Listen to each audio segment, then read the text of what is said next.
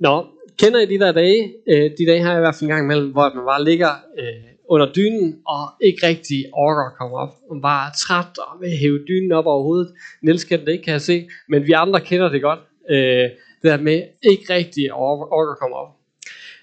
Selv på de dage, så hvis jeg alligevel får mig kravlet ud af sengen og øh, får løbetøjet på og spændt skoene, og så lige får mig snøvlet ud af døren og får så at stille og roligt komme op ad Koldingbjerg, den, bjerg, den stejle bakke, og så ned af mod fjorden, ud til vandet, øh, og ud på broen der, for så at sænke mig ned i det kolde vand, og så komme op igen.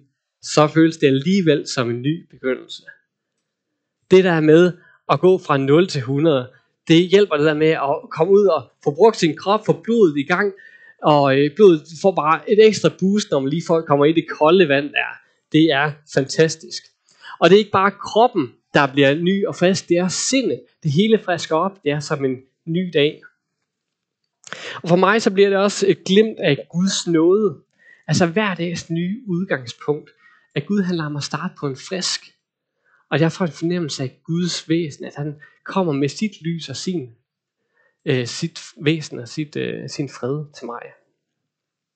Har du sådan en erfaring? Har du prøvet det der med at få en ny begyndelse? Prøv at overveje det. Er der et tidspunkt, som giver dig en ny begyndelse?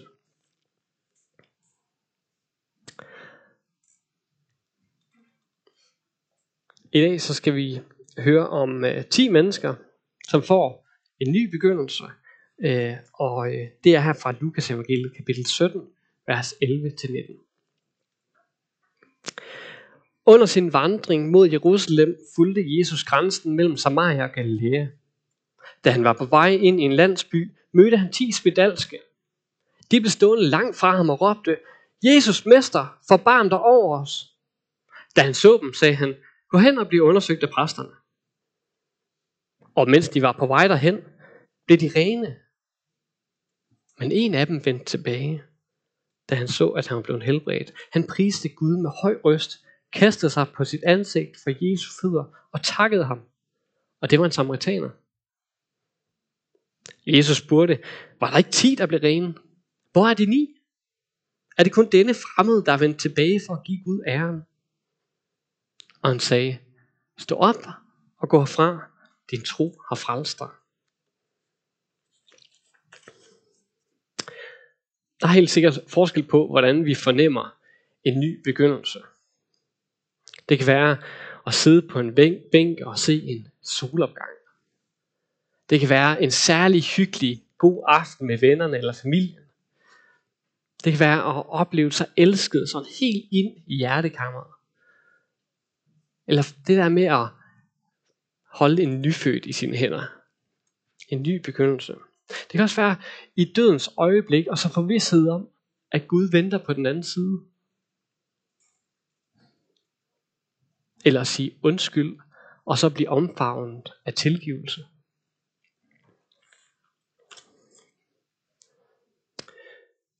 Vores fornemmelse af en ny begyndelse, det peger på noget, som vi egentlig godt kan glemme, men som det egentlig er glemt af, og det er paradiset. I ved den første begyndelse, der hvor alting duftede af græs efter en dag, hvor det havde regnet. Den intense stemning af nyt liv.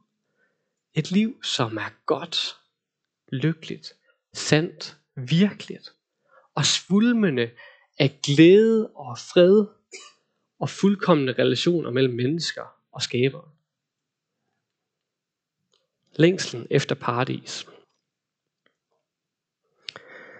Jeg synes, det er ret interessant at se nogle af de her undersøgelser, som siger noget om danskers åndelige behov og åndelige længsel. Der lavet en øh, undersøgelse for her i 2021, hvor der er adspurgt 100.000 danskere, og det er den største undersøgelse på verdensplan faktisk. Og det er ret interessant, fordi i den undersøgelse, så, øh, så bliver man klar over, at der er 80% af de her adspurgte, som i sidste måned, eller det siger kryds i dag, i sidste måned har de haft enten et stærkt åndeligt behov, eller et meget stærkt åndeligt behov. 80%. Det havde jeg faktisk ikke regnet med. Det er ret vildt. Og det er så midt i en sekulariseret kultur. Det kalder vi den. En moderne kultur. hvor at vi for over 100 år siden har sagt, jamen, eller det er i hvert fald nogen, der har sagt, og det er der mange, der har bakket op om, at Gud er død. Øh, og i en kultur, hvor man i løbet af de sidste 100 år har vendt sig mere fra, eller vendt fra, sig fra det der religiøse verdensbillede til et mere rationalistisk, hvor man tænker, det er det der, jeg kan se, og det er det, jeg kan mærke med mine fingre, det er det, jeg kan undersøge videnskabeligt og matematisk, det er det, jeg kan vidne om. Det er som om, at vi i en tid som samfund har undertrykt noget ved at være menneske. Noget, som er helt almindeligt. Niels Christian Witt, som er præst i Brabrand Kirke øh, i Aarhus, han siger sådan her om øh, undersøgelsen. Danskere taler ikke meget om deres overbevisninger og personlige værdier, og har også lav grad af religiøs praksis. Men som undersøgelsen viser, har vi i Danmark præcis det samme behov for indre fred, mening, tro og håb, som man ser i mere religiøse lande. Det er et glimt af paradisets kyst. Det ligger så latent i vores menneskelighed, at uanset hvor meget man prøver at undertrykke det, jamen så vil det ikke undertrykkes. Det er en del af os. Det er som at presse på en ballon på et tidspunkt, så springer Jeg tror også, det er noget af det, vi er viden til, når der Øh, popper forskellige religiøse praksiser op omkring os. Gymnasieelever, der går med øh, amuletsten, øh, eller yoga og øh, mindfulness, som jo egentlig er i sit udgangspunkt, øh, handler om at forbinde sig til en guddom. Der er også øh, alternative helbredelsesmetoder som healing, som også bliver en del af det fysiologiske og en del af, når man giver massage. Øh, der er også astrologikort og tarotkort, kort, som for flere er en naturlig måde at forudse sin skæbne på. Og det er ikke fordi, at så mennesker pludselig bliver kristne. Det er jo ikke det, det handler om. Men det afspejler noget. noget det, de her ydre handlinger, det afspejler øh, det, som man ser i undersøgelsen. Nemlig, at der er den her åndelige nerve hos mennesket. En eksistentiel længsel efter at forbindes med noget større, noget dybere, noget sandere. Det er ikke bare noget, vi kan se med et blotte øje. Det er noget, som gemmer sig hos os. Det er glemt af paradisets kyst.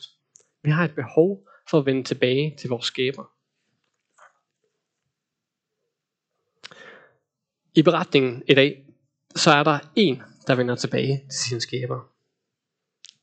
Jesus går der på grænselandet mellem Samaria og Galilea. Det er øh, mellem det velkendte Judæa øh, og Galilea, altså der hvor jøderne boede, og så Samaria, som lå der midt imellem, midt, der lige i midt imellem, vil jeg sige. Og øh, der var en intens had mellem samaritanere og jøder, øh, fordi at de her samaritanere, de var halvjøder og halv halvhedninger. De var simpelthen ikke fuldblods. Og, øh, og de troede slet ikke på den rigtige måde. De var helt skæve på den. De øh, troede kun på de fem mosebøger. Det var altså ikke helt rigtigt. Og øh, de tilbad Gud på et andet, øh, i et andet øh, øh, tempel, end det jøderne gjorde, nemlig på Gerasims bjerg. Så det var overhovedet ikke rigtigt, det havde gang i, og jøderne havde virkelig set sig sure på dem. Så man tog ikke ind i Samaria. Det var fjender. Og samaritanerne, de kunne egentlig heller ikke se sig selv som en del af den jødiske tro. Det var alt for øh, ja, fundamentalistisk, eller jeg ved ikke, hvad det var. Men, men de holdt sig i hvert fald kun til de her fem øh, mosebøger. Og jeg tror heller ikke, at de ville få lov til det, hvis de spurgte, om de måtte være en del af den jødiske tro, fordi jøderne, de havde så meget had mod dem. De var lukket ude, samaritanerne. De kunne ikke integreres i den, i den, øh, øh, i den her jøde, i jødernes tro. Grænserne, de var hårdt trukket op. Noget, der alligevel formåede at samle jøder og samaritanere, det var spedalskhed. De havde en fælles skæbne af en forfærdelig sygdom, en ægel sygdom, hvor kroppen begynder som at gå i forrådelse, begynder at rådne op. Øhm, og smittefaren, den var så markant, at øh, man sendte simpelthen de her folk uden for landsbyen. Så kunne de være derude, ude i ødemarken, og de øh, fandt sammen sådan i forenet isolation i huler og, og, og sådan steder. Og der kunne de så være for sig selv i et skæbnesfællesskab af fortabte sjæle. Da Jesus går der på grænsen mellem Samaria og Galilea, øh, på vej ind i en landsby, så får de spedalske øje på Jesus. Og de råber til ham på afstand, forbarm dig over os. Og jeg ved ikke, om Jesus overhovedet stopper op. Han fortsætter måske bare ind i landsbyen og siger, Gå bare lige hen og bliv undersøgt af præsterne. Og fortsæt ellers. Og jeg ved ikke, om de, har de hørt, hvad han har sagt? Bliv undersøgt af præsterne. Hvad sagde han egentlig? Men det virker til, at der er i hvert fald nogen af dem, der har hørt det, fordi at der er de her 10 spedalske, som går hen og bliver undersøgt af en præst. Og man skulle undersøge sig en præst, fordi det var måden at blive integreret i fællesskabet igen. Integreret i bylivet, enten i den samaritanske by eller i den jødiske by. Jesus gør ikke andet end ved sit ord at sige, gå hen og bliv undersøgt. Og mens de er der på vej hen mod præsten, så sker der noget. De bliver helbredt. Det sorte på deres krop begynder at falme. De der pletter, de begynder at forsvinde på halsen. Og tæerne, som er ved at gå til at forrådnelse, de heler op, og øh, de får farve igen. De bliver helbredt ved Jesu ord. En af de ti går direkte fra præsten og løber hen i landsbyen. Han vil finde Jesus, og han takker Gud hele vejen. Tak Gud, tak Gud, halleluja. Og da han vender tilbage til Jesus, da han finder ham, så falder han på knæ for ham og takker også ham. En samaritaner har spændet fuldstændig direkte ind i en formentlig jødisk landsby, hvor der var fjender på alle sider, for at finde Jesus, ham der er hans redningsmand. Det er gået op for den her ene, at her er Gud. Der er en, der afsender af den nye begyndelse, som han har begyndt at få i hans krop. Han har fået fat i dybere lag end de andre. Nemlig at Gud selv er kommet til ham. Ikke bare en rabbi, men Gud selv. Han går der rundt, ind, går rundt derinde i landsbyen. Han har fået et ansigt. Han vender tilbage til sin skaber og forbinder sig med, med sin skaber, med Jesus, med tak. Ved at sige tak til ham.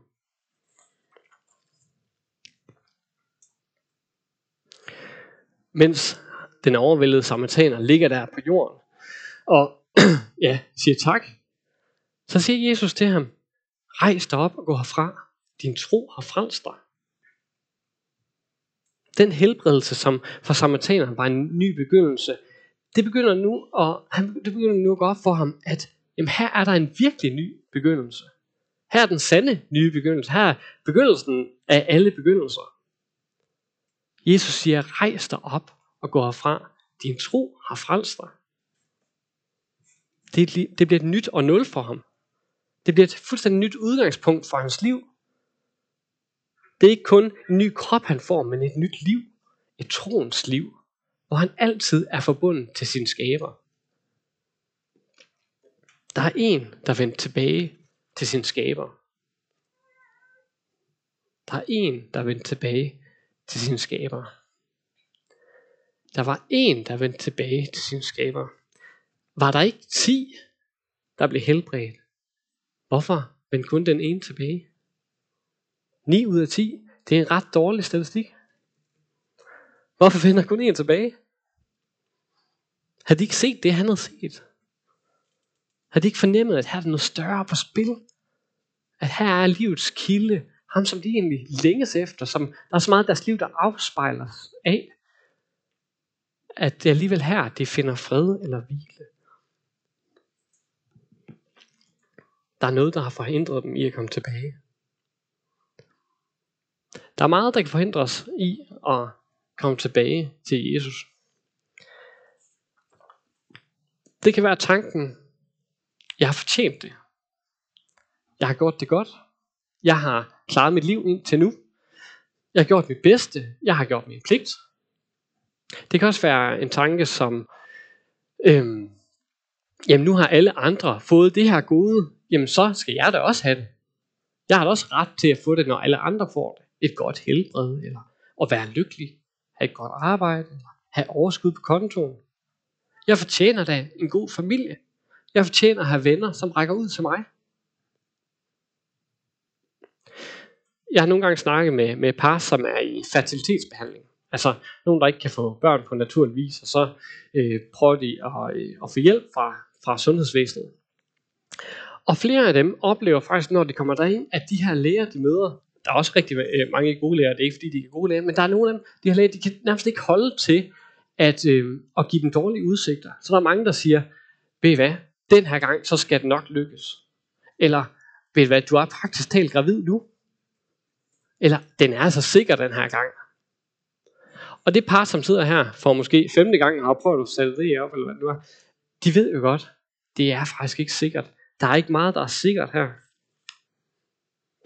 Og sådan er det jo bare i tilværelsen. Der er virkelig ikke meget, der er sikkert. Der er ikke nogen forsikring for et godt liv. Der er masser, vi kan gøre, men vi ved os altså aldrig sikre. Livets gaver, om det er et barn, om det er en ven, et godt helbred, om det er rigdom, det er jo aldrig selvfølgeligt. Der kan ske alt muligt med os. Og vi kan alt, vi kan, det er så nemt at miste blikket for velsignelsen, for de her gaver. Vi trækker jo kun vejret, fordi Gud vil det. Der er nogen, der har taget sig af os, for at vi kunne stå her i dag. Vi er afhængige af andre. Vi er så dybt afhængige af at tage imod livet som gave. Og nogle gange kan vi glemme det. Og det er først, når vi begynder faktisk at se livet som en gave, og se alting som en gave, at vi kan begynde at vende tilbage til Jesus, eller til ham, som alting kommer fra, og sige tak.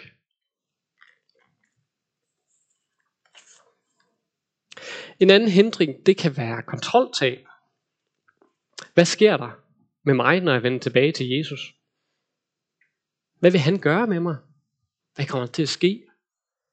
Det kræver et tab af kontrol og vende sig til Jesus. Selvom Jesus altid arbejder på vores dybeste glæde, så kræver det bare noget af os. Der er nogle gange, det er rarere bare at holde fast i en bestemt tankegang om mig selv. Jamen det er bare sådan, jeg er. Lev med det. Det kan også føles tryggere at holde fast i nogle mønstre, selvom det er usunde mønstre og, det, og, og konstruktive. Nej, ikke konstruktive, og destruktive. Det kan være usundt. Det kan være trygt at holde fast i det. Øhm, selvom det ikke er det.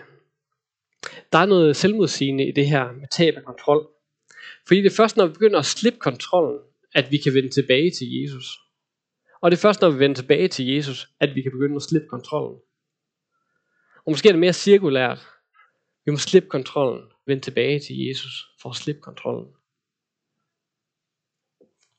Vi må slippe den igen og igen og vende os til ham igen og igen.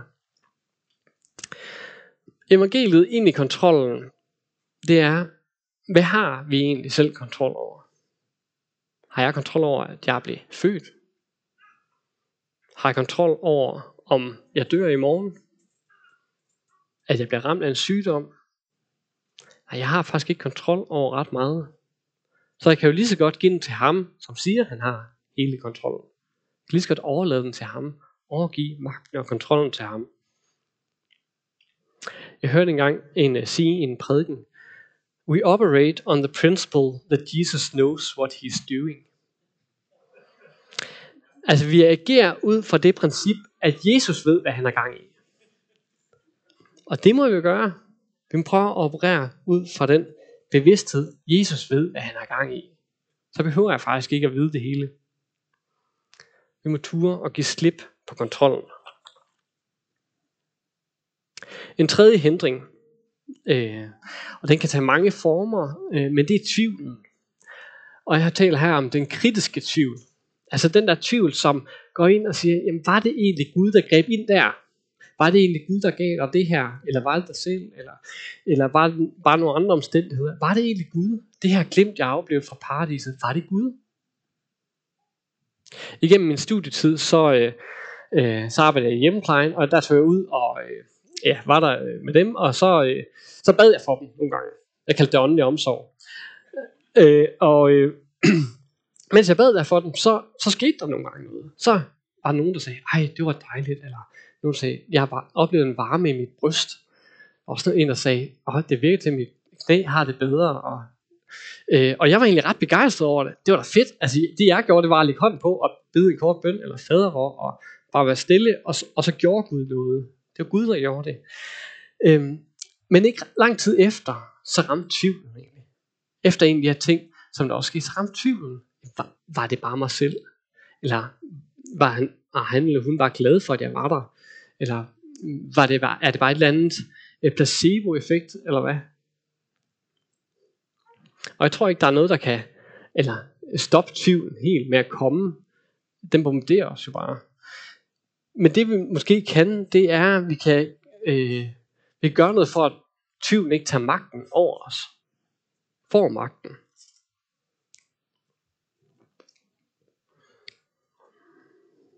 Den her hindring, den kan hindre os i at vende tilbage til Jesus med tak. Det kan tvivlen gøre. Og den kan hindre os i at, at gå i tro og bede for andre mennesker. Og bede igen, fordi at den er så nane. Så læg, læg den kritiske tvivl for magt. Men bevæg dig hele tiden tilbage til Jesus. Vend tilbage til Jesus og lad ham få magten, så tvivlen ikke får.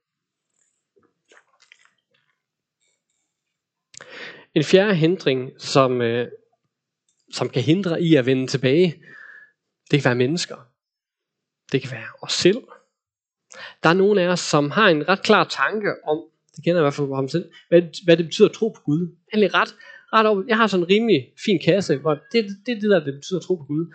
Og øh, det gør nogle gange, at det kan være svært at bevæge sig derud i grænselandet. Derud mellem Samaria og Galilea, hvor Jesus han også går. Hvor der er åndelige, søgende mennesker, men det ser så broet ud. De tror kun på de fem mosebøger. Eller derude, hvor de tror, de har haft tre liv i forvejen. Øhm, eller nogen, som øh, ja, simpelthen øh, har set afdødet syg. Øh, det er så broet derude i den åndelige verden. Og tør vi at bevæge os derud, både for, at udfordre os selv, vores eget ståsted, men også for faktisk at invitere mennesker ind. Jesus han ville gerne samaritanerne med. Han gik derude på grænselandet. Og kan vi lade os inspirere ham, invitere det med ind, selvom vi selv bliver udfordret i vores trygge. Kan vi rumme og anerkende menneskers åndelige behov og menneskers erfaringer, uanset om de helt svarer til min kasse, kan jeg godt anerkende dem som deres erfaringer, og stadigvæk tage dem med i hånden på den der lange rejse, det nogle gange er, at lede mennesker hen mod Jesus for at vende tilbage til ham. Vi kan selv komme til at agere hindring for, at mennesker vender sig til Jesus.